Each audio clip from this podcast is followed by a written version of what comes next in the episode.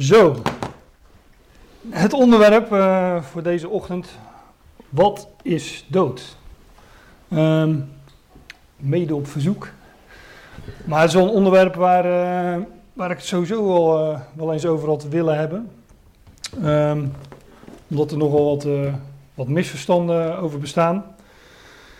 En um, het is ook een onderwerp dat ontzettend vaak voorkomt in de, in de schrift. Ik heb uh, met behulp van de concordantie de woorden opgezocht die vertaald worden met dood, met sterven, met uh, gestorven, verstorven. Alle uh, variaties. En dan kom je toch al gauw op, uh, nou in ieder geval 12, 1300 heb ik er wel geteld. En aangezien mijn Bijbel een bladzij of nou, 13, 1400 heeft, zou je kunnen zeggen dat, het, dat je het op elke bladzijde van de Bijbel wel, wel terugvindt. Um, is de Bijbel dan een, eh, een doods boek, hè, zou je bijna denken. Nou, um, de dood speelt in ieder geval een, uh, een, grote rol in het plan van God blijkbaar. En uh, natuurlijk contrasteert de, de dood met, met het leven. En juist het leven, het, het, het, leven en het, de levendmaking, ja, dat, is, dat is het evangelie.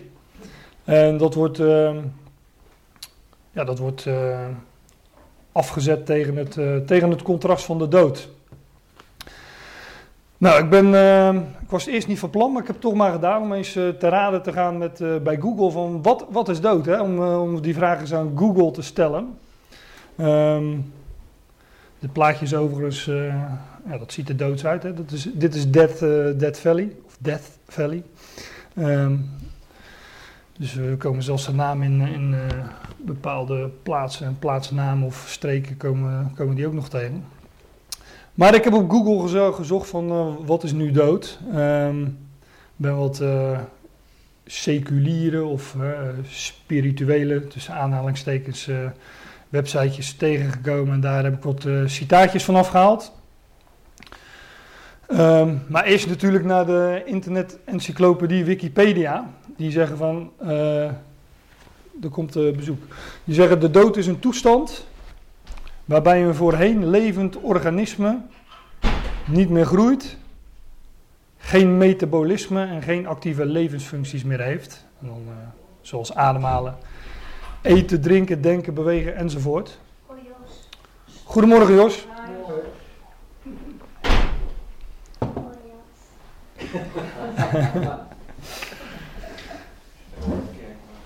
maar dit is, uh, als je het mij vraagt, dan uh, kan je het daar vandaan zien, Jos? Of, uh, Wat je? Kan je het daar vandaan zien? Of, Perfect. Ja, mooi.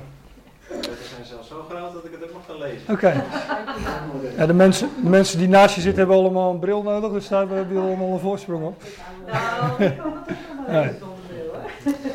Maar dit is makkelijker. Maar dit is een, uh, volgens Wikipedia de, de definitie van wat nu uh, precies uh, dood is.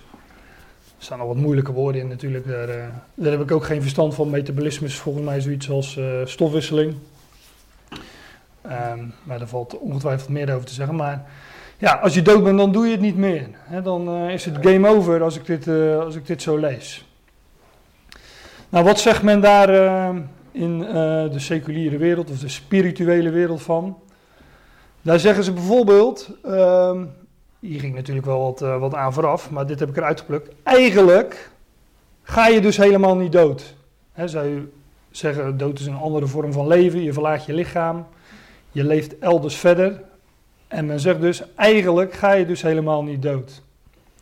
Nou, dat is precies wat de slang in de hof ook zei. Dat ga ik straks ook nog laten zien. En dat is ook uh, de eerste leugen nog eens van die slang die we vinden in de schrift. Dus dat uh, is aardig ingebakken nog steeds in, uh, in het denken van de mens. Een volgende. Als iemand sterft, ziet hij zijn uh, lichaam wegglijden. De gestorvene ervaart nu dat de geest sterker is dan de materie en dat hij leeft, ook al is zijn lichaam hem ontvallen. Dat betekent dus ook dat je blijkbaar je lichaam aflegt, maar ja, elders verder leeft. Want uh, de geest is sterker dan het lichaam, dus de geest leeft verder en het lichaam dat ontvalt je blijkbaar. De reis van de ziel na de dood, van de ene wereld naar de andere.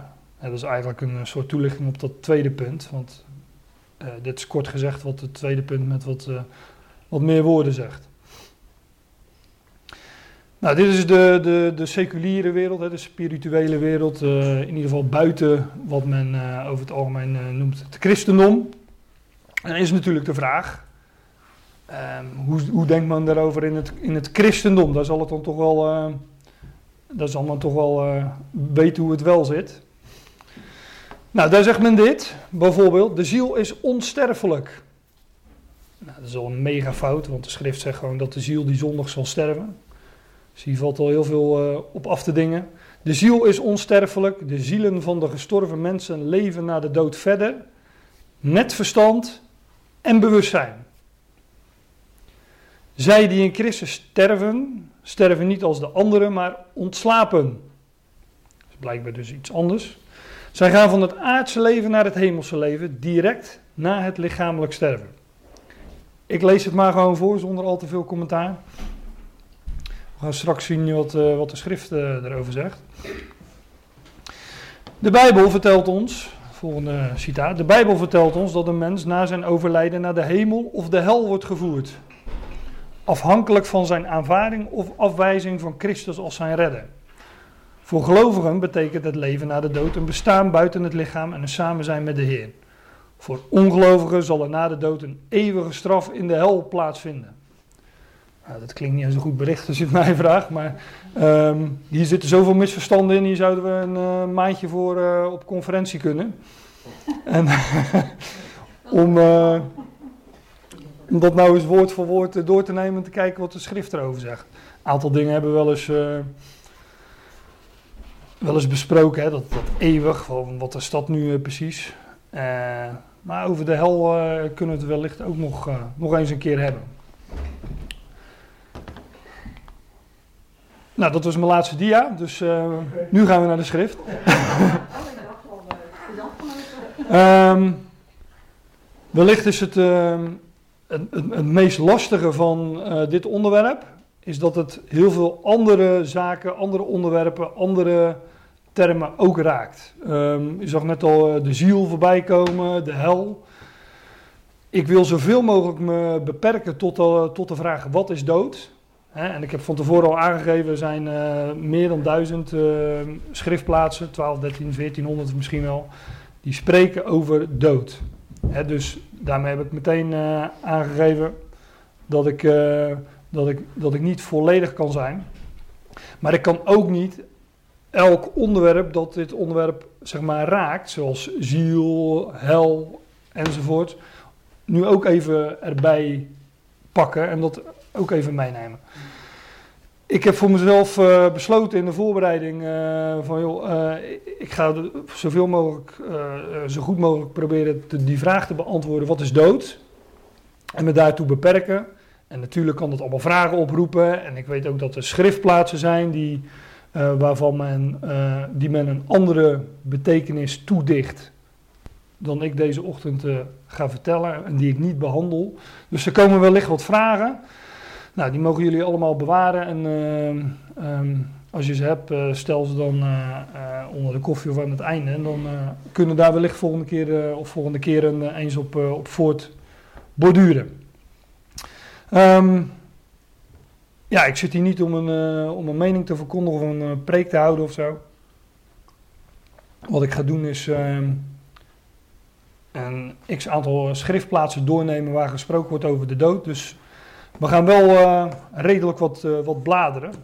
Maar het is aangekondigd als een, een bijbelstudie, dus dat zou moeten lukken denk ik. Ik begin bij het begin, dat is Genesis.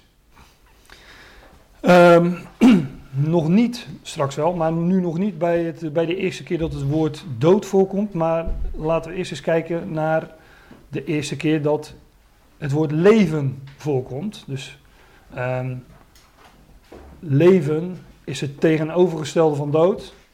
Laat ik dat dan, uh, wat we ook op Wikipedia al uh, zagen.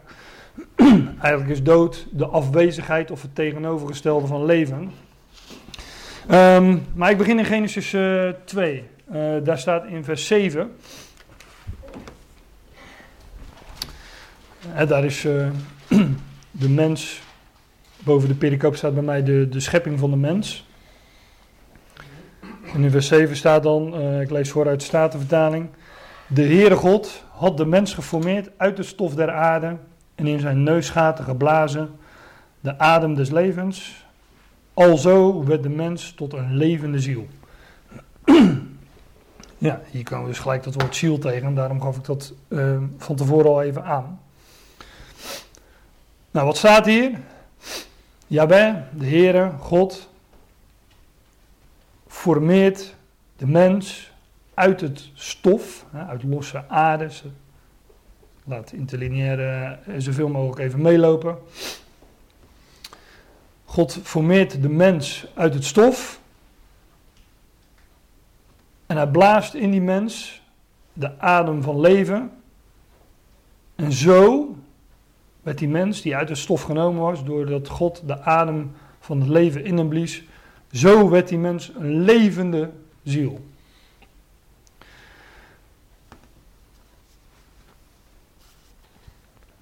Het aparte is, waar ehm, mensen toch vaak aan voorbij zien, is dat de dood in de schrift wordt genoemd als precies het tegenovergestelde van wat hier wordt gezegd.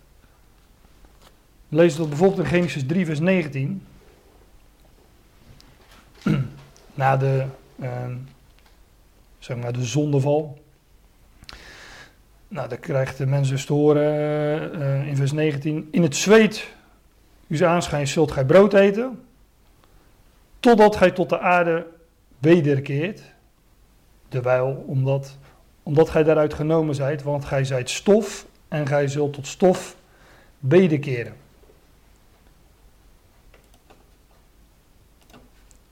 Ongeveer eh, eh, soortgelijke woorden.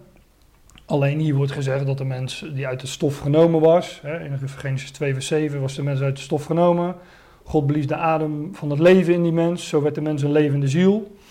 En hier wordt gesproken over eh, de mens die, eh, die uiteindelijk zal, zal sterven. Ik kom er zo nog wel op terug, want ook dat werd in, in Genesis eh 2 en 3 aangekondigd. Ehm, en die zou dan tot het, eh, tot het stof terugkeren. We vinden dat eh, ook in prediken. Je zou de hand even kunnen houden bij Genesis, want we komen daar zo weer terug. Prediker 12.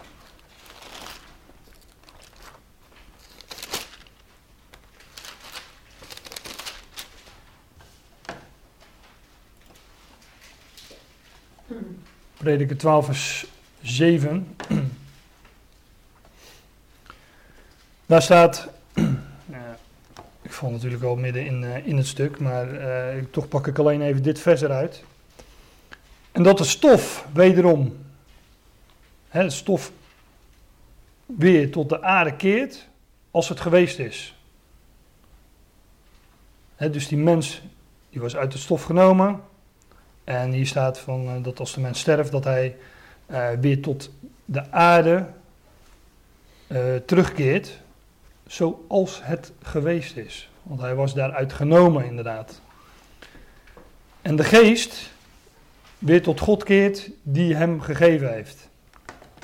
Kijk, uit dit vers concludeert men ook wel van, zie je wel, men, de mens, dat stoffelijk overschot, hè, zo wordt het dan ook genoemd, een, het lijk, het do- dode lichaam van de mens, dat keert tot het stof terug. Maar de geest van de mens, ja, die gaat naar God, want die heeft hem eh, gegeven. Maar dat staat er niet. De geest keert terug en dat is die adem des levens uit Genesis 2 vers 7. Dat is namelijk die adem, die geest van God zelf, die tot God terugkeert. Want dat wat van God is, dat vergaat niet. En die mens, die keert tot het stof terug. En de geest, die adem des levens die God in de mens geblazen had, die keert terug tot God. Want God heeft die gegeven. Eh, terug naar eh, Genesis. Genesis eh 2, vers 7 waren we net. De eerste vermelding van leven. tenminste met betrekking tot, eh, tot de mens. Ehm, maar in Genesis eh, 2, vers 17, daar wordt eh, voor het eerst gesproken van, eh, van de dood. De eerste vermelding. Het zijn allemaal wel bekende woorden, gelukkig denk ik. Dus dat, eh, dat scheelt wel. Dan hoef ik niet overal het verband bij te lezen. Maar dit is tamelijk bekend. Daar wordt eh, tegen een mens gezegd van de boom. Van. Even klik, klik, klik. Zodat we er, eh, dat er ook een scherp bij hebben staan. Van de boom van kennis van goed en kwaad. Daarvan zult gij niet eten. Want ten dagen als gij daarvan eet, zult gij de dood sterven. Eh, even tezijde, ik dacht vroeger altijd eh, dat de mens, eh, dat, dat het hier werd aangezegd, hè, op de dag dat je daarvan eet, dan, dan zul je de dood sterven. Ik dacht altijd van, nou op dat moment, Adam stierf niet toen hij at, even ook niet. ik dacht vroeger altijd van, op dat moment ging dus blijkbaar dat stervensproces eh, werken. Maar ik denk dat het, eh, dat het toch nog anders ligt. De vorige keer, ja, dat was niet, daar was niet iedereen bij, maar daar kon ik niks aan doen. De vorige keer hadden we het over eh, de, de derde dag waarop Christus zal verschijnen. Toen hebben we ook in Petrus gezien hoe God rekent. Hè. God rekent in dagen van duizend jaar.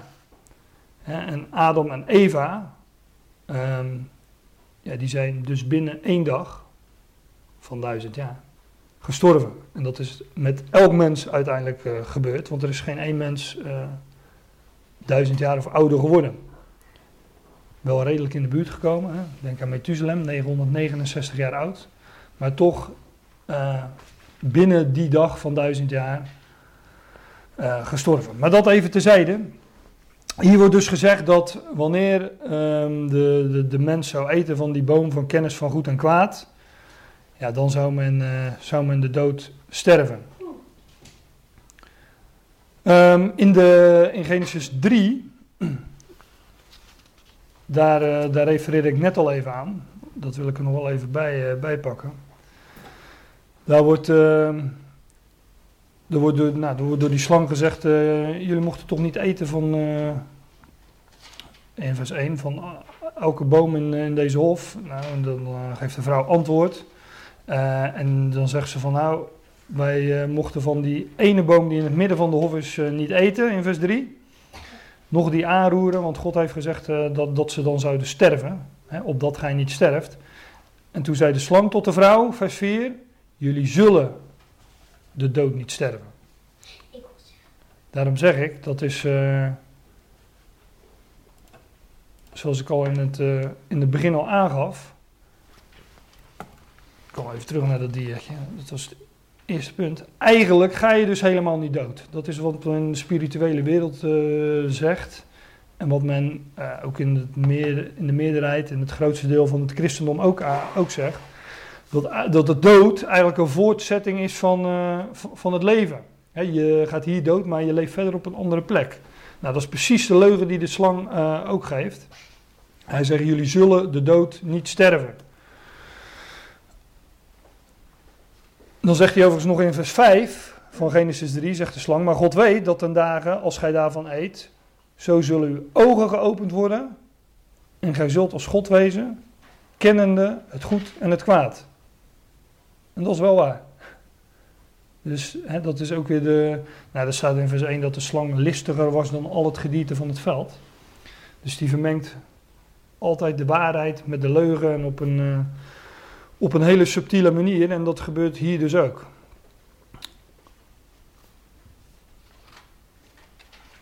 Ehm, nee, ik ga verder. Want we hebben nog wel wat schriftplaatsen eraan. Ik blader verder weer, weer, ook weer naar Prediker, waar we net ook al waren, alleen nu hoofdstuk 9.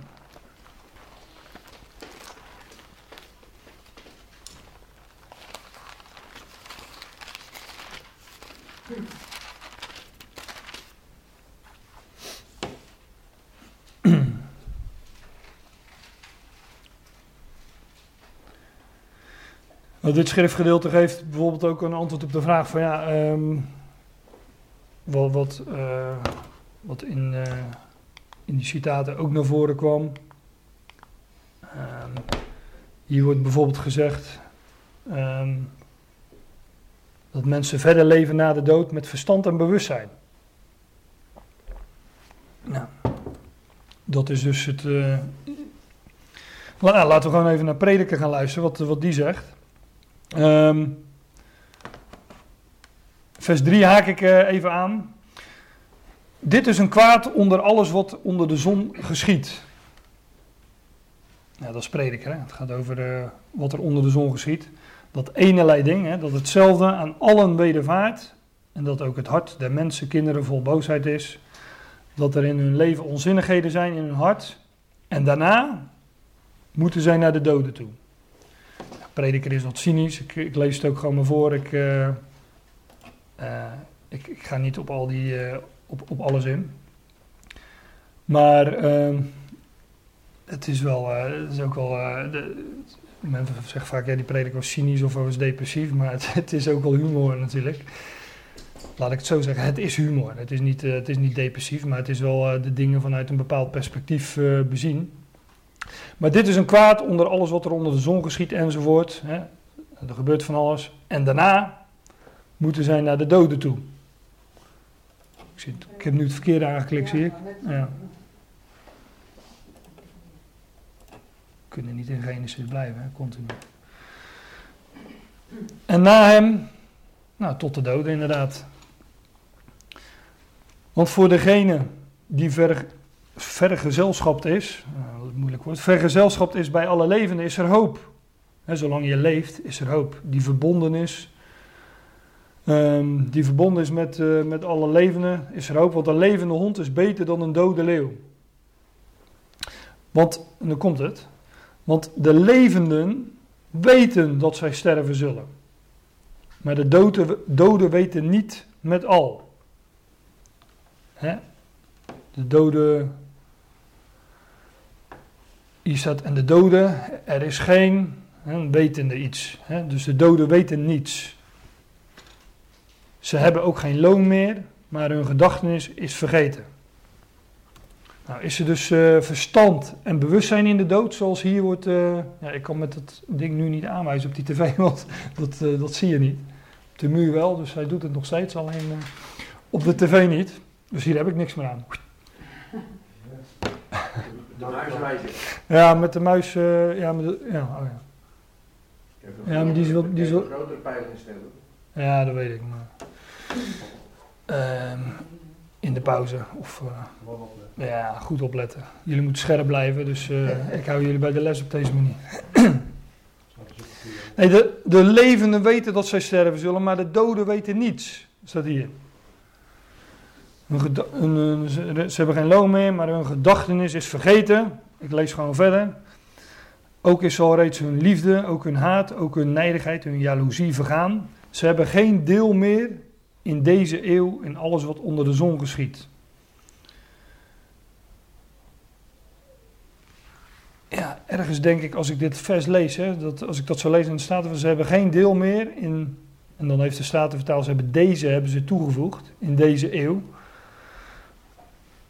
Dan moeten ze toch eh, het idee hebben gehad dat er nu een eeuw bestaat en dat er straks nog, nog een eeuw, eh, eeuw komt. Want ze hebben het hier ook niet vertaald met eeuwigheid, wat doorgaans wel het geval is. Nou, in ieder geval staat er eh, letterlijk, eh, er is geen, ehm, er is geen deel hè, van een tot, tot de aion. We leven nu inderdaad in deze tegenwoordige boze aion. En wanneer wij hier eh, st- sterven, ja, dan is er in ieder geval, hebben we geen deel meer in alles tot, tot de toekomende, tot de volgende aion. Ze hebben geen deel meer, dus ook geen verstand, geen bewustzijn, geen, geen activiteit. Ze hebben geen deel meer in, eh, of tot de aion, of in deze aion, voor mij apart, in alles wat onder de zon geschiet. Dus dan komt het advies van prediken, ga dan heen, eet uw brood met vreugde, drink uw wijn van goeder harte, want God heeft al reeds zijn behagen aan u werken. Laat uw klederen te alle tijd wit zijn, laat op uw hoofd geen olie ontbreken, maak er wat van, zou ik het eh, kort samenvatten van dit leven onder de zon. Hè. Geniet het leven van, eh, van de, met de vrouw die gij lief hebt, al de dagen uw ijdele levens, welke God u gegeven heeft onder de zon, al uw ijdele dagen, want dit is uw deel in het leven en van uw arbeid, die gij arbeidt onder de zon. Vers 10. Alles wat uw hand vindt om te doen, doe dat met uw macht. Want er is geen werk, nog verzinning, nog wetenschap, nog wijsheid in het graf daar hij heen gaat. Ja, ik zei al, eh, hier komen we weer zo'n woord tegen. Graf is het mee vertaald. Um, is het woordje Sheol. Um, dat, uh, in de interlineair staat gewoon het dodenrijk. Maar de vertalingen zijn daarin nogal, uh, um, hoe zeg je dat? Niet erg consequent.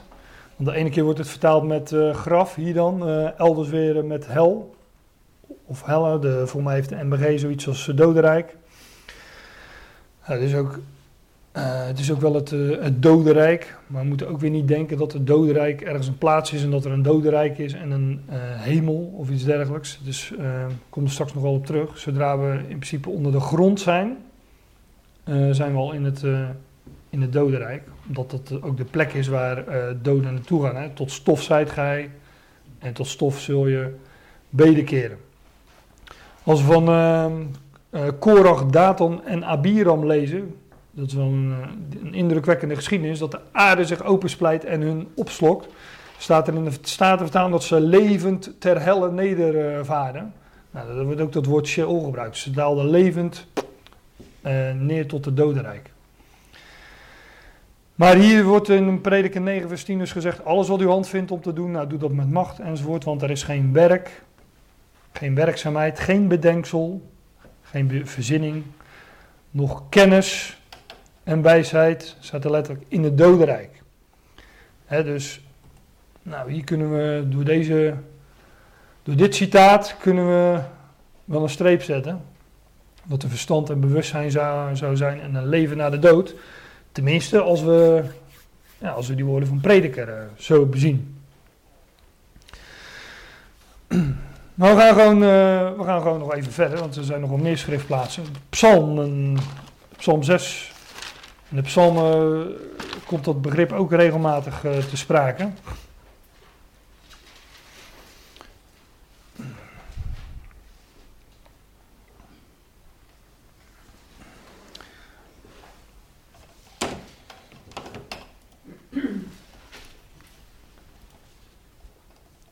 Psalm 6, vers 6.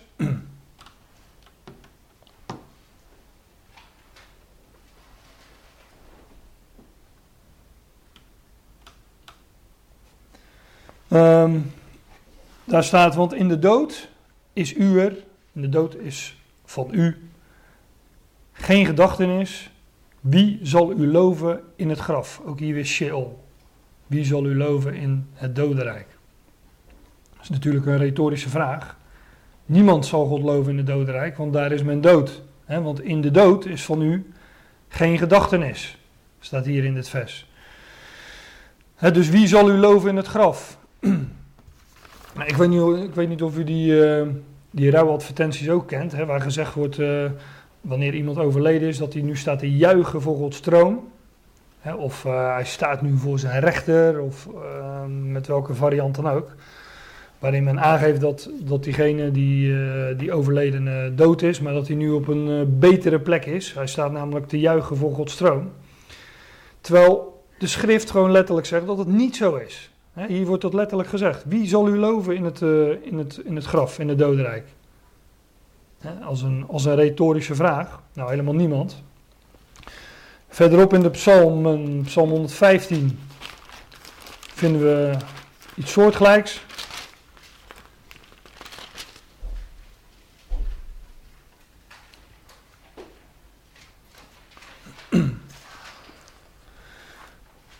Ja, de eerste vraag, die, uh, dat, is, dat is het thema van uh, deze ochtend, uh, was: um, wat is dood? Nou, als we de vraag willen beantwoord hebben, juichen de doden, hè, de, juichen de doden voor Gods troon? Nou, hier staat, Psalm 115, vers 17: De doden zullen de Heren, de doden zullen ja, Jaweh, niet prijzen. Ze zullen, de doden zullen Jaweh niet lof prijzen nog die in de stilte neergedaald zijn.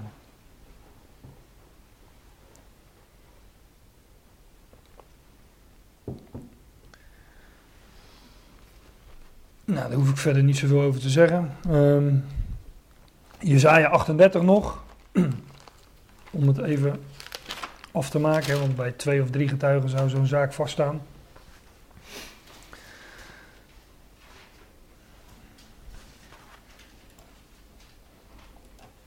Jezaja 38, dat is vers 18. Want het graf, ook hier weer, Sheol, dodenrijk. Het graf zal u niet loven, de dood zal u niet prijzen. Die in de kuil neerdalen, zullen, niet op, zullen op uw waarheid niet hopen.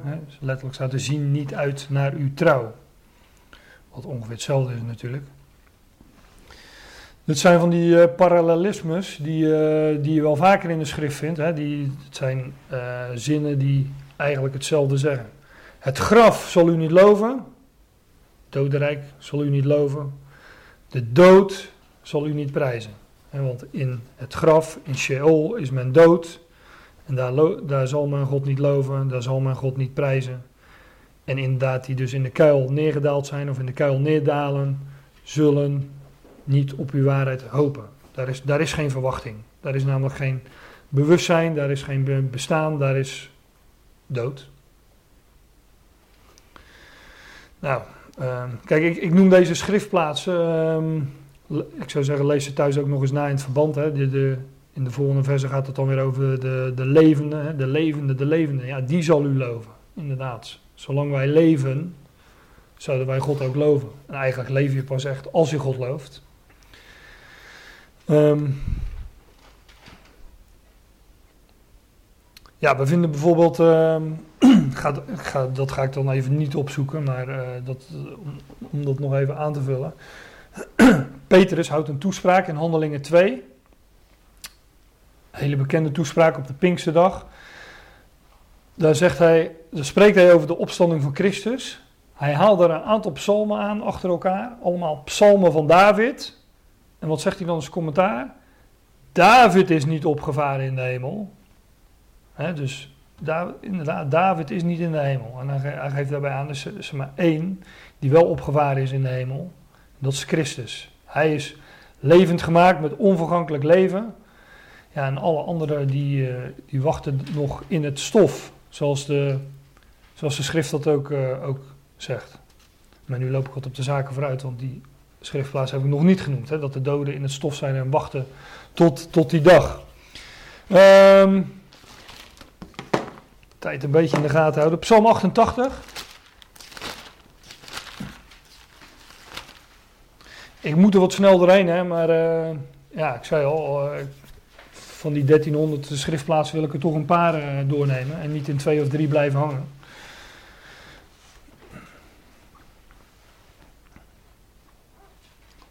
Psalm 88, vers 5.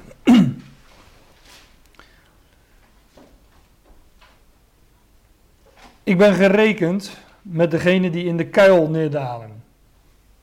Ik ben geworden als een man die krachteloos is. Afgezonderd onder de doden, gelijk de verslagenen die in het graf liggen. Die gij niet meer gedenkt, zij zijn afgesneden van uw hand. Um, dan sla ik een paar versen over.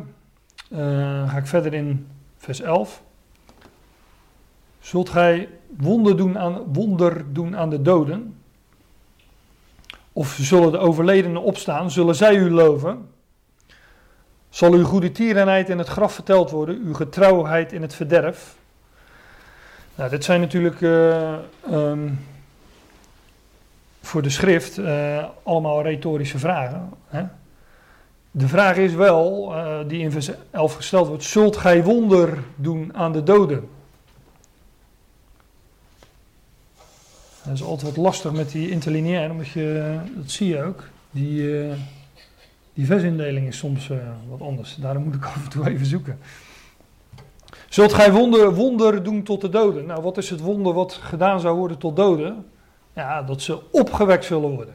En dat is ook de enige hoop die een dode heeft, namelijk dat hij opgewekt wordt. Want in de dood is geen, is geen verstand, geen bewustzijn, geen kennis.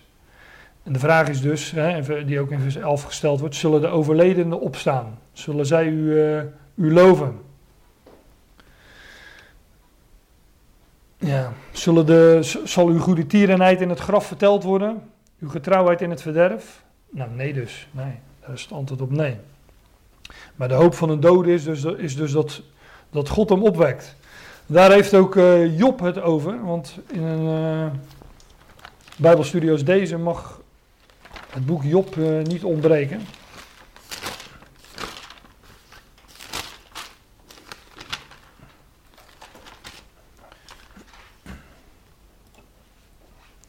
Job 14.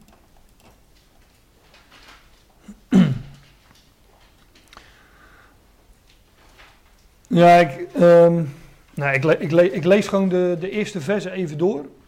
Dan haak ik aan in eh, vers 7, maar ik begin toch even gewoon bij vers 1. Voor het verband. Dit is, dit is ook een sch- schitterend schriftgedeelte, wat echt met een, met, een, eh, met een beeld, wat we allemaal kennen, uitlegt wat, wat nu echt dood is. ik lees de eerste vers even door, gewoon, zonder eh, commentaar of zonder eh, al te veel commentaar. De mens, van een vrouw geboren, is kort van dagen en zat van onrust. Dat lijkt prediken wel, denk ik altijd als ik het lees.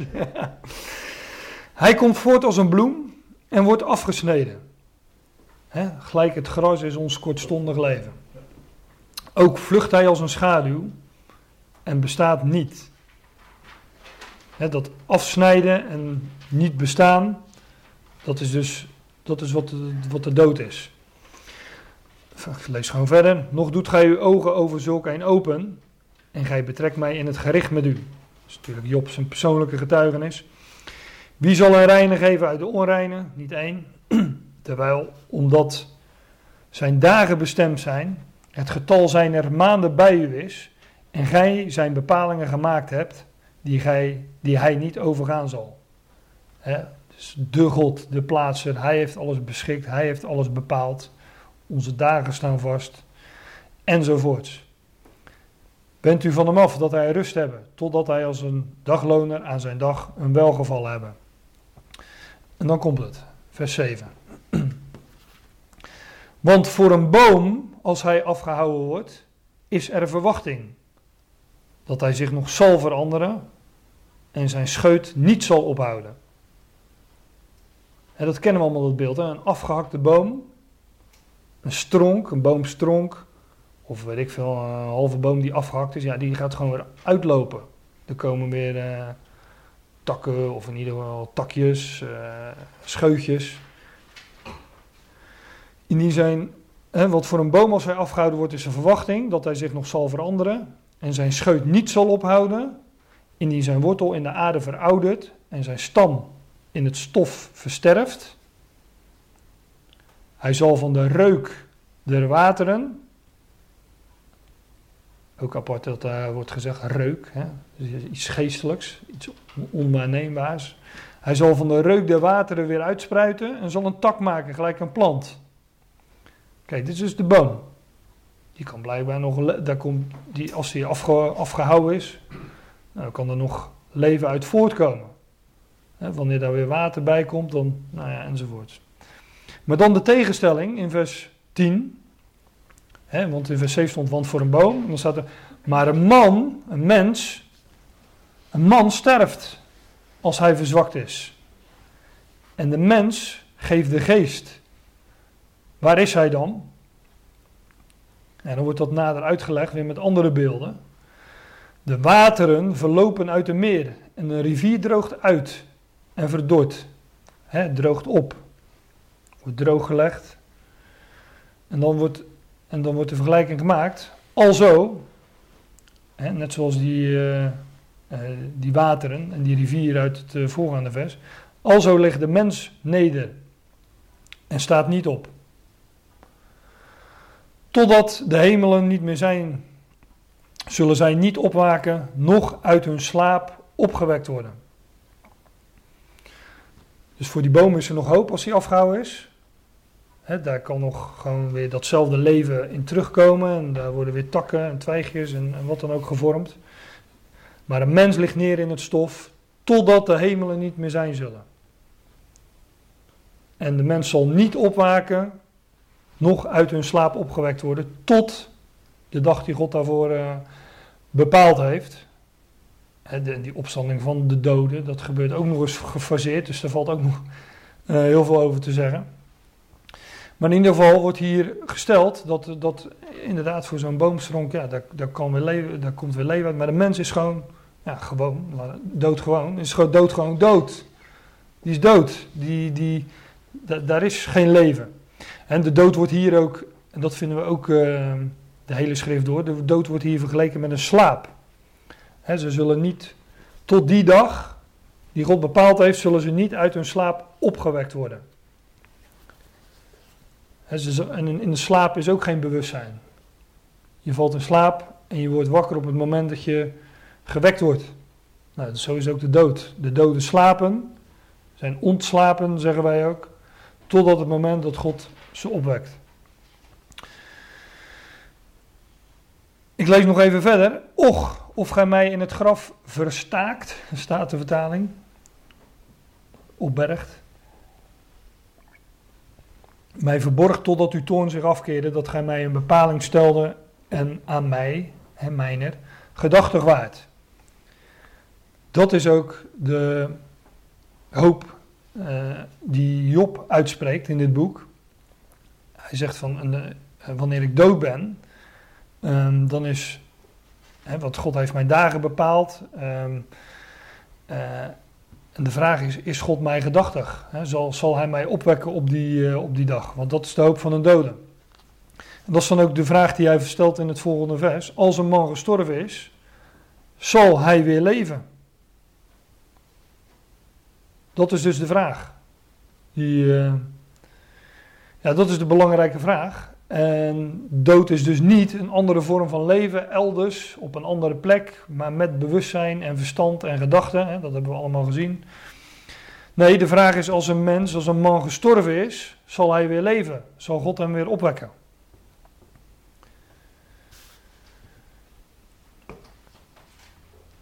Ehm, ja, hier stop ik even in eh, Job eh, 14.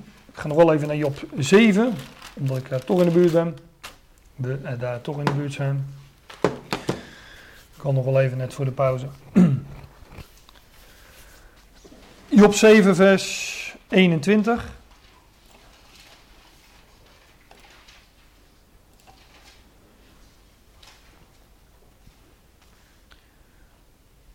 Waarom vergeeft gij niet mijn overtreding en doet mijn ongerechtigheid niet weg? Dat eh, sla ik even over. En dan zegt hij, want nu zal ik in het stof liggen. Gij zult mij vroeg zoeken, maar ik zal niet zijn. Dus wanneer Job, Job geeft aan wanneer hij sterft, wanneer hij gestorven is, wanneer hij dood is, dan zal hij in het stof liggen. En gij zult mij vroeg zoeken, maar ik zal niet zijn. Jij zoekt mij vroeg en er is geen mij. Staat er letterlijk in eh, eh, de interlineair. Dus er is geen mij. Op dat moment, zeg Job, besta ik dus niet. Ik ben dood, ben tot het stof teruggekeerd. En, en zoals hij die eh, vraag stelde in Job 14, als een mens gestorven is, als hij niet meer zal zijn, als dat die staat, om dat dan even zo te noemen, waarin Job zegt, er is geen mij. Als een mens gestorven is, zal hij weer leven? Dat is de vraag die Job stelt. En ook beantwoord natuurlijk. Ehm, nou, nog één schriftplaats voor de pauze. Dan gaan we koffie drinken. Jona.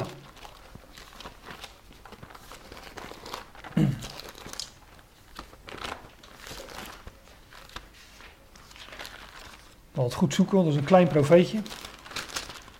Ja. Nee, nee, digitaal is altijd makkelijk te zoeken. Ja. We hebben ze een klein profeetje, dus die zie je zo over het hoofd. Vier hoofdstukjes. Was ook een klein mannetje, hè, anders had hij nooit eh, door de keel van die vis gepast natuurlijk. Ja. Of die vis was erg groot. Ja, dat zou ook nog kunnen. Is na hem toch? Jona is dat na hem? Oh nee.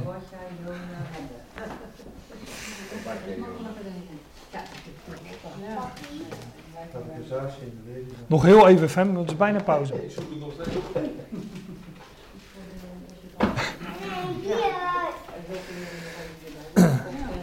Jona 2 is ook een eh, bekend eh, gedeelte. Ja, daar staat dat eh en Jona bad. Vers 1. Jona bad. Oh nee.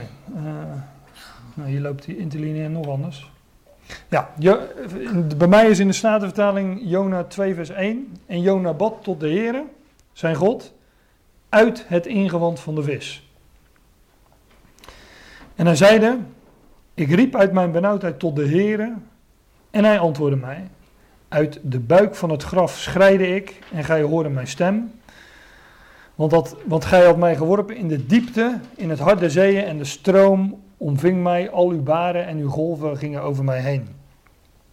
Wat van die baren en die golven, die over de mens heen komen, die beeldspraak, dat vind je in de psalm ook regelmatig. Dat zal Jens zijn. Dat vind je in de psalmen ook regelmatig en er wordt dan, eh, dat, dat is echt een beeld van de dood. Hè? De baren en de golven die over de mens heen komen. Het is natuurlijk het beeld van, eh, van verdrinking. Jona bad tot de Heere zijn God uit het ingewand van de vis, lezen we in vers 1. En dan staat er later in vers eh, 2, uit de buik van het graf, uit de buik van het dodenrijk, ook hier weer Sheol, uit de buik van het dodenrijk schreide ik en gij hoorde mijn stem.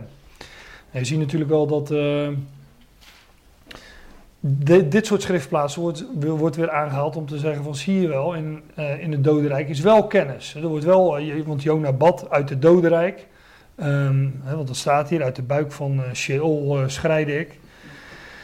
Ja, ik denk ehm, zelf dat hier toch wel ehm, werkelijkheid en beeldspraak door elkaar lopen. De vraag is natuurlijk, de vraag is ook altijd als het over Jona gaat, volgens mij van eh, leefde Jona in die vis? Ik denk van wel, want ik heb ook wel eens gedacht van niet, maar ik denk van wel, want het is zo lastig bidden als je, als je dood bent. Sinds ik weet wat dood is, denk, denk ik van ja, dan moet hij wel geleefd hebben. Maar er staat weer wel uit de buik van eh Sheol, uit de buik des grafs is het hier vertaald. Maar uit de buik van eh Sheol riep, ik om hulp. Hè, vanaf buik van dodenrijk, ik roep om hulp. Dan moet ik daar nog eh, aan toevoegen dat in vers 3 staat dat gij had mij geworpen in de diepte, in het hart der zeeën. Dus hier worden een aantal dingen naast elkaar gezet. Jona riep uit het ingewand van de vis. En hij zegt dan, ik, eh, eh, eh, ik, riep om, ik roep om hulp uit de buik van Sheol, uit de buik van het dodenrijk. En dat is weer in het hart der zeeën. In het hart van de zeeën. Ik gaf net al aan dat in de Bijbel alles wat zich onder de aarde bevindt, eh, dat is Sheol, dat is dodenrijk. Wanneer een mens terugkeert tot de aarde, dan komt hij in het stof. Eh, wij begraven ook de doden en dan bevinden ze zich onder de aarde. Maar ook de zeeën is dat wat zich bevindt onder de aarde. Onder de, want zodra het land is, bevindt zich dat boven de zee. Daar is er juist het verschil eh, land en zee. Dus de buik van Sheol is ook nog eens het hart der zeeën. En hier lopen beeldspraak en werkelijkheid door elkaar, zei ik al. Maar eh, nou, ik concludeer hieruit in ieder geval niet dat, eh, dat er in de dood wel bewustzijn, eh, verstand of, of wat dan ook is. Maar dat, eh, dat Jona inderdaad riep uit het hart van de zee. En hij zegt, ja, dat is, dat is het hart, de buik ook van, van Sheol, van het dodenrijk. In die doodswateren, daar is men ook eh, in ieder geval figuurlijk in het, in het dodenrijk. Nou, tot zover maar even eh, de uiteenzetting eh, voor de pauze. Want eh, het is de hoogste tijd voor een, eh, een bak koffie. als een mens gestorven is, zal hij weer leven, vroeg, eh, vroeg Job zich af. Dus, eh, nou laten we met excuus aan, aan Jos nog één schrift plaatsen in het Oude Testament. Nou, vindt hij vast wel goed. Ja, vind je het goed, Jos? Ik vergeef het je. Ah. Oei. Dat betekent toch dat je er wat van vindt. 1 Samuel 2 vers eh, 6 is dat. Hè? Dat wel goed. Ja, dat is toch niet zo. eh, is beetje. Samen met de bom. Ja, Samuel het einde van alle tegenspraak. De Heere, 1 Samuel 2 vers 6. De Heere, Jaweh, dood en maakt levend. Oh ja, en hier staat dan in de Statenvertaling, hij doet ter helle nederdalen en hij doet weer opkomen. eh, één- Ja. één Samuel wat? 1 Samuel 2 Ja, staat 2, 6. vers 6. Eén Samuel. twee. Dat is 6. Oh ja. Rechts onderaan de bladzijde. Hannes lofzang. dat Er is- staat, Ja. Het goede boek. Die op zijn kop. Dus inderdaad, nou Hanna's lofzang. En Hanna die, eh, die zegt hier van ja, de Heere Jaweh dood en maakt levend. Ook weer die, eh, dat contrast hè, tussen dood en leven. Het is inderdaad ook, eh, ook God eh, die dood. Ik heb een verwijzing erbij staan naar Deuteronomium 32 vers 39. Daar staat iets, eh, iets soortgelijks. Maar hier staat dus ook, hij doet ter helle in de Statenvertaling. Maar ook hier, kijk, hetzelfde woord, Shaol. Hij doet eh, in het dodenrijk neerdalen. En hij doet weer opkomen. Dus God, eh, God dood, maar hij maakt ook hij maakt levend. En dat is natuurlijk het evangelie. Maar om iemand levend te maken heb je wel de dood nodig. Dus dat eh, verklaart ook gelijk, maar even heel kort, de, de, de zin van, eh, en, en het nut, het doel van de dood. Namelijk om je levend te maken. Ehm dat Sheol, misschien moeten we nog eens een keer een, eh, een bijbelstudie ook houden over eh, dood, dodenrijk, hel. Dat soort termen die in de schrift, tenminste in de vertalingen gebruikt worden. Ehm Sheol is, wordt ook wel vertaald, het is, bij dodenrijk denken wij vaak aan een plek, een rijk waar de doden zijn. Hè, en daar wordt dan natuurlijk van alles bij gefantaseerd, dat de doden bewustzijn hebben, dat ze kennis hebben, dat ze met elkaar praten, eh, weet ik veel allemaal. Maar Shaol betekent eigenlijk zoiets als het ongeziene. Eigenlijk is het ook niet echt duidelijk wat het nu precies betekent. Want Sal, de naam Sal, die van dezelfde stam is afgeleid, betekent gevraagd.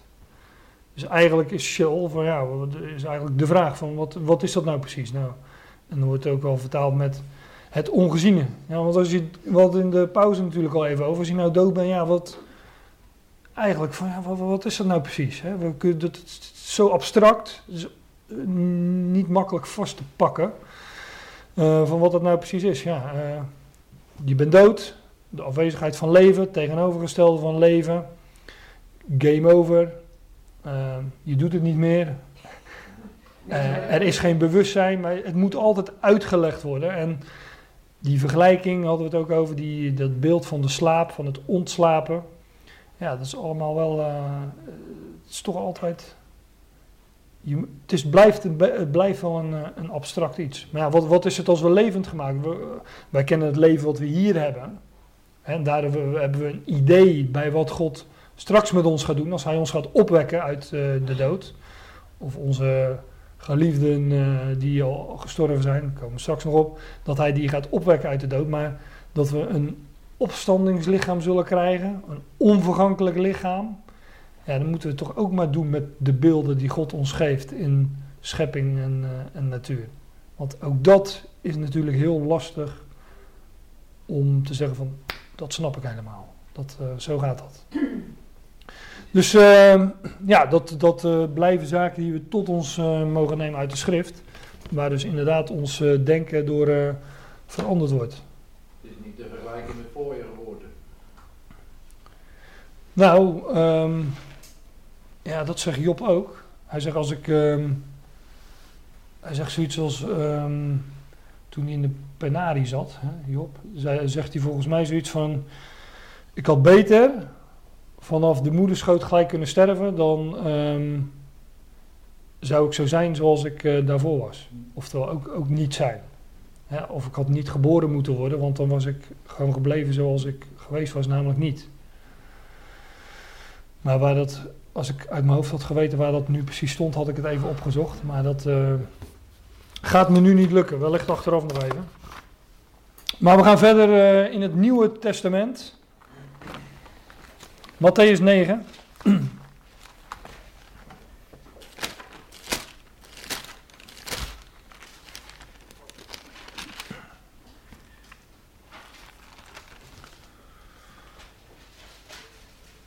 Hmm.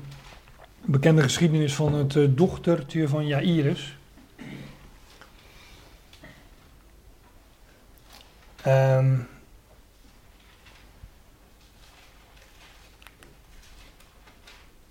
ja, dat was met Jezus ontboden door, uh, door die Jairus.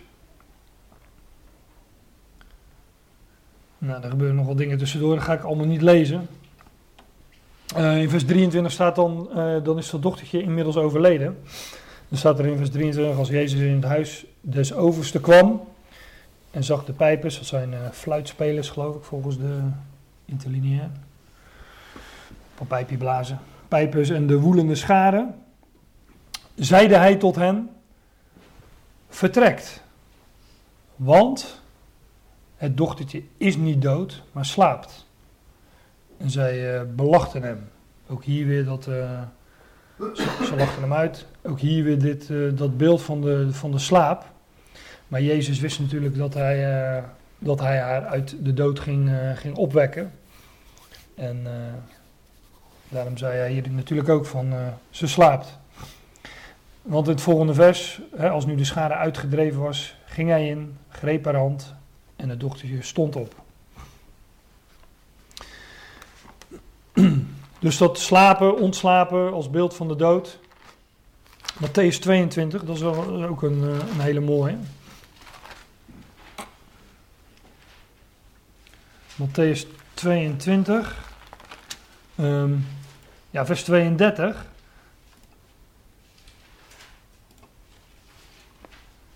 Kijk, dit vers wordt bijvoorbeeld ook aangehaald om te zeggen dat, um, nou in dit geval Abraham, Isaac en Jacob, want daar gaat het over, dat die uh, toch in een andere staat van, van leven of van bewustzijn zullen zijn. Want er staat, ik ben de God van Abraham, de God van Isaac en de God van Jacob. God is niet een God van doden, maar van levenden.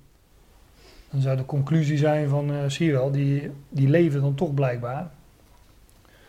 Somewhere, somehow. Maar nu even het verband. En dan lees ik het gewoon even. Uh, vanaf vers 23. ik zei al, we gaan wel wat bladeren en wat lezen. Te diezelfde dagen kwamen tot hem de Sadduceeën. Dat was een uh, groepering in, uh, in de dagen van toen, een uh, religieuze groepering. En het punt is, die geloofden niet in de opstanding. Staat hier ook. Te diezelfde dagen kwamen tot hem de Sadduceeën die zeggen dat er geen opstanding is. Paulus zegt in 1 Korinthe 15, hadden we het in de pauze ook even over. Onder jullie zijn er sommigen die zeggen dat er geen opstanding is. Nou, dan ben je dus, uh, dan zijn verloren degenen die in Christus ontslapen zijn. Dan ben je nog in je zonde en dan ben je dus verloren. Dan is er geen hoop. En hij noemt dat ook, uh, um, ja, hij noemt dat ook dwaas. Maar hier zeggen dus die Sadduceeën, uh, die komen tot, uh, tot hem. En dat zijn degenen die niet in opstanding geloven. Die zeggen dat er geen opstanding is. En die zeggen, meester, dan komen ze met een voorbeeld. Mozes heeft gezegd, indien iemand sterft, geen kinderen hebbende, zo zal zijn broeder, dus zelfs vrouw trouwen en zijn broeder zaad verwekken. Uh, het zogenaamde zwagerhuwelijk of leviraatshuwelijk. Nou, nu waren er bij ons zeven broeders. En de eerste, een vrouw getrouwd hebbende, stierf. En omdat hij geen zaad had, zo liet hij zijn vrouw voor zijn broeder. Desgelijks ook de tweede en de derde tot de zevende toe. Ten laatste na alle is ook de vrouw gestorven. In de opstanding dan, wiens vrouw zal zij wezen van die zeven? Want ze hebben ze alle gehad. Nou, dan antwoordt Jezus. Jezus antwoordde en zeide tot hem: Gij dwaalt, niet wetende de schriften, noch de kracht Gods. Want in de opstanding nemen zij niet ten huwelijk, nog worden ten huwelijk uitgegeven, maar zij zijn als engelen Gods in de hemel. en dan, en dan zegt eh, de Heer, en wat aangaat de opstanding der doden, hè, dus dat wat betreft, aangaande, wat betreft de opstanding van de doden, en dan zegt hij, heb gij niet gelezen hetgeen God tot jullie van God tot jullie gesproken is, die daar zegt, ik ben de God van Abraham, de God van Isaac en de God van Jacob. God is niet de God van doden, maar van levenden. Oftewel, ehm, de Sadduceeën geloofden niet in die opstanding, maar Jezus zegt juist van, dat God zegt, ik ben de God van Abraham, de God van Isaac en de God van Jacob, en die zijn gestorven. En dat betekent als God een God van leven is, dat ze opgewekt zullen worden. Dat ze inderdaad op zullen staan. Dat is het verband waarin eh, de Heer die uitspraak doet. want zij, die Sadduceeën, geloofden niet in de opstanding. Maar Abraham, Isaac en Jacob, ja, zij waren alle gestorven. En dan zegt de Heer maar God zegt toch, ik ben de God van Abraham, de God van Isaac, de God van Jacob. en God is niet de God van doden, maar van leven, oftewel zij zullen herleven. Nou, dan staat er nog achter het scharen, dit horende werden verslagen over zijn leer. Ik zat het van de week, las ik dat, toen dacht ik van nou, waarom waren ze daar zo verslagen over? Maar ik denk als de Heer tegenwoordig een kerk zou binnenstappen en hij zou dit zeggen, dan uh, uh, dat, dat de doden werkelijk dood zijn en dat ze uh, opgewekt zullen worden, want dat zegt hij eigenlijk. En dat ze tot die tijd dood zijn en niet zijn. Ja, dat men ook wel verslagen zou zijn over zijn, zijn leer. Um, Romeinen is de volgende schriftplaats. Romeinen 4. We hadden het toch over Abraham. Dus dan gaan we nog even verder met Abraham, want Paulus zegt daar. Uh,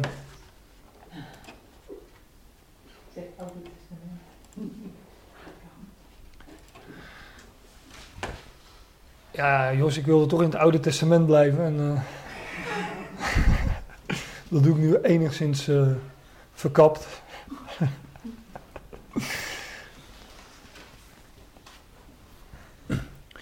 Door gewoon bij Abraham uh, te blijven. Ja, daar staat in vers 17, Romeinen 4, vers 17. wat natuurlijk midden in het betoog is. Gelijk geschreven staat. Staat natuurlijk in Genesis. Ik heb u tot een vader van vele volken gesteld.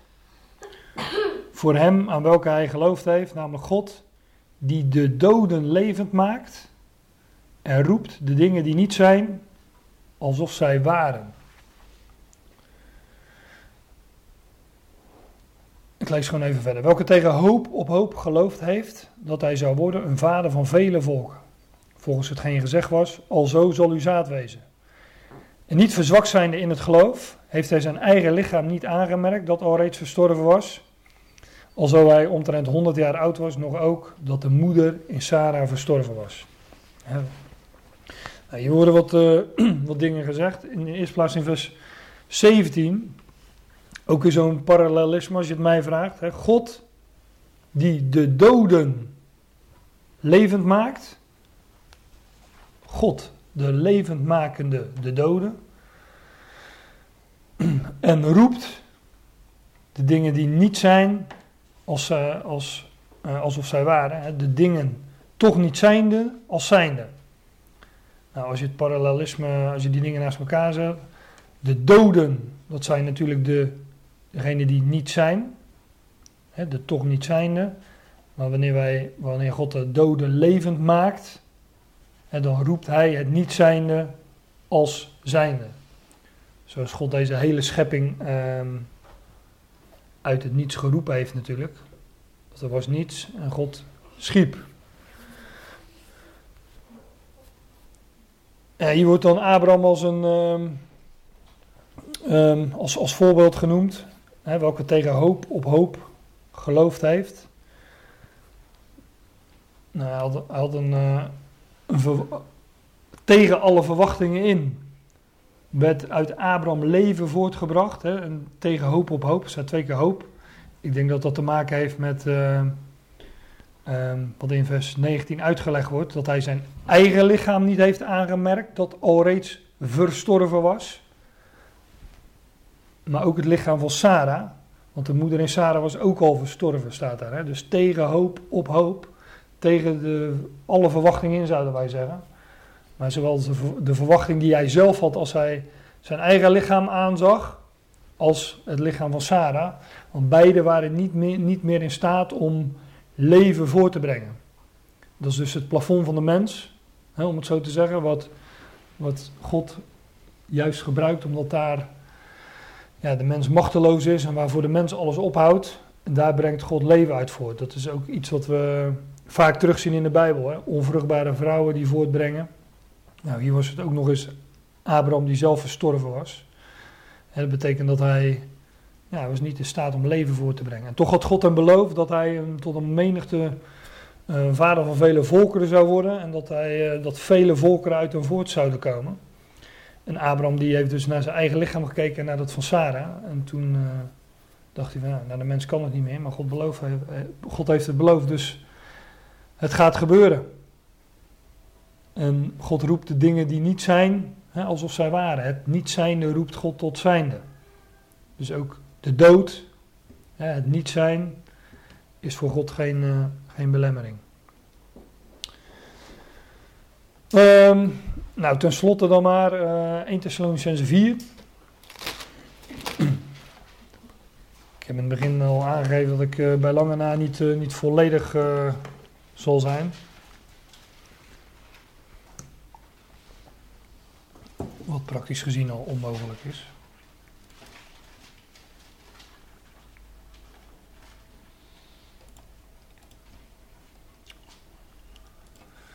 Ja, dat zijn ook wel een paar versen die ik toch even door moet nemen, waar eh, ja, toch wel het een en ander eh, over valt te zeggen. Dus ook ehm, voor het bespreken van deze versen beperk ik me echt even tot het, eh, tot het onderwerp, zoveel als mogelijk. Maar in vers 13 zegt Paulus tot de Thessalonicense: Broeders, ik wil niet dat jullie onwetende zijn van degene die ontslapen zijn. Ook hier weer dat eh, ontslapen. Letterlijk zegt eh, de interlineair zoiets als hè, ter, ter ruste liggende. Fem, doe maar even stil, want anders eh, dat geneur hier op de achtergrond, dat... eh, Verstoort de opname. Ja. ja, dit gaat over de opname. nou ja, Ja, niet op jouw werk ja andere, andere opname weer. Ja. Nee, broeders, kijk, dat ter ruste liggende, overigens, hè, dat zeggen wij ook wel. Hier rust, staat er op grafstenen. Ja. Dus er staat niet, hier leeft iemand elders voort, die, eh, die ligt hier, nee, hier rust, inderdaad. Tot, tot die dag, hè, eh, in Jobs geval, hè, totdat de hemelen voorbij gegaan zijn. Want dan zal eh, hij pas herleven. Maar hier gaat het over de eerstelingen, dus die zullen, zullen eerder herleven. Ehm, maar broeders, ik wil niet dat jullie onwetenden zijn van degenen die ontslapen zijn, opdat jullie niet bedroefd zijn zoals de anderen die geen hoop hebben, geen verwachting. Ehm, als je dus, als je God niet kent en als je geen opstanding van doden kent, ik loop nu natuurlijk wel op de versen hierna vooruit, maar dan heb je dus geen hoop, zegt Paulus hier. En de hoop van degenen die ontslapen zijn, ja, daar gaat hij het nu over hebben. Maar die Thessalonicense, die maakten zich blijkbaar zorgen om degene ehm, die later in deze versen de doden in Christus worden genoemd. Daar maakten ze zich blijkbaar zorgen om van ja, maar hoe, hoe zal dat dan gaan met, met hen? En eh, worden ze opgewekt en wanneer dan? En hoe, hoe zal dat gaan? Want zij zijn ons nu ontvallen. En wat als de Heer terugkomt? Want daar gaan de Thessalonicense brieven over, onder andere. Wat gebeurt? Want zij, zij hadden een levende verwachting van de Heer die terug zou komen. Dat, eh, Dat werd uiteindelijk eh, vanwege de langmoedigheid des heren, om eh, de woorden van Petrus te noemen, is dat uitge- uitgesteld, zou je kunnen zeggen. Maar zij leefden echt nog met de verwachting dat de Heer spoedig terug zou komen. En wat gebeurt er dan met degene die, zo, die weet je veel, eh, in, het, in, de, in de recente periode ontslapen waren? Hadden die zouden die daar deel aan hebben? Dat is wat die Thessalonicenzen zich afvroegen. Hè, wat is hun aandeel daarin? En ehm, nou ja, hebben wij, ze, die, die, die Thessalonicenzen werden ook, die hadden te maken met zware verdrukking. Hè, dat lezen we ook in die, eh, die brieven. Ze hadden dus met elkaar ehm, in, in die verdrukking gestaan op, op Gods woord. Met een levende verwachting van een, eh, een wederkomst van de Heer. Maar er waren al mensen overleden. Ja, hoe zit het dan met hen? Nou, zegt Paulus, ik wil niet dat jullie onwetende zijn van de- degenen die ontslapen zijn. Zoals anderen die geen hoop hebben. Want, zegt hij dan, als wij geloven dat Jezus gestorven is en opgestaan, alzo zal ook God degenen die ontslapen zijn in Jezus eh, brengen, wederbrengen met hem. Dus als wij geloven dat Jezus stierf en opstond, zo zal ook God degenen die, hè, die ontslapen zijn door, door Jezus samen met hem eh lijden, staat er letterlijk. Want dat zeggen wij u door het woord des Heren. Dus Paulus benadrukt het, het zijn niet mijn woorden, maar het is het woord van, van de Heer.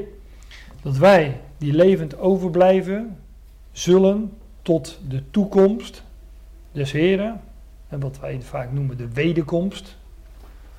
Dat woord even te gebruiken voor het gemak. Letterlijk is de aanwezigheid. En wanneer de Heer eh, aanwezig zal zijn.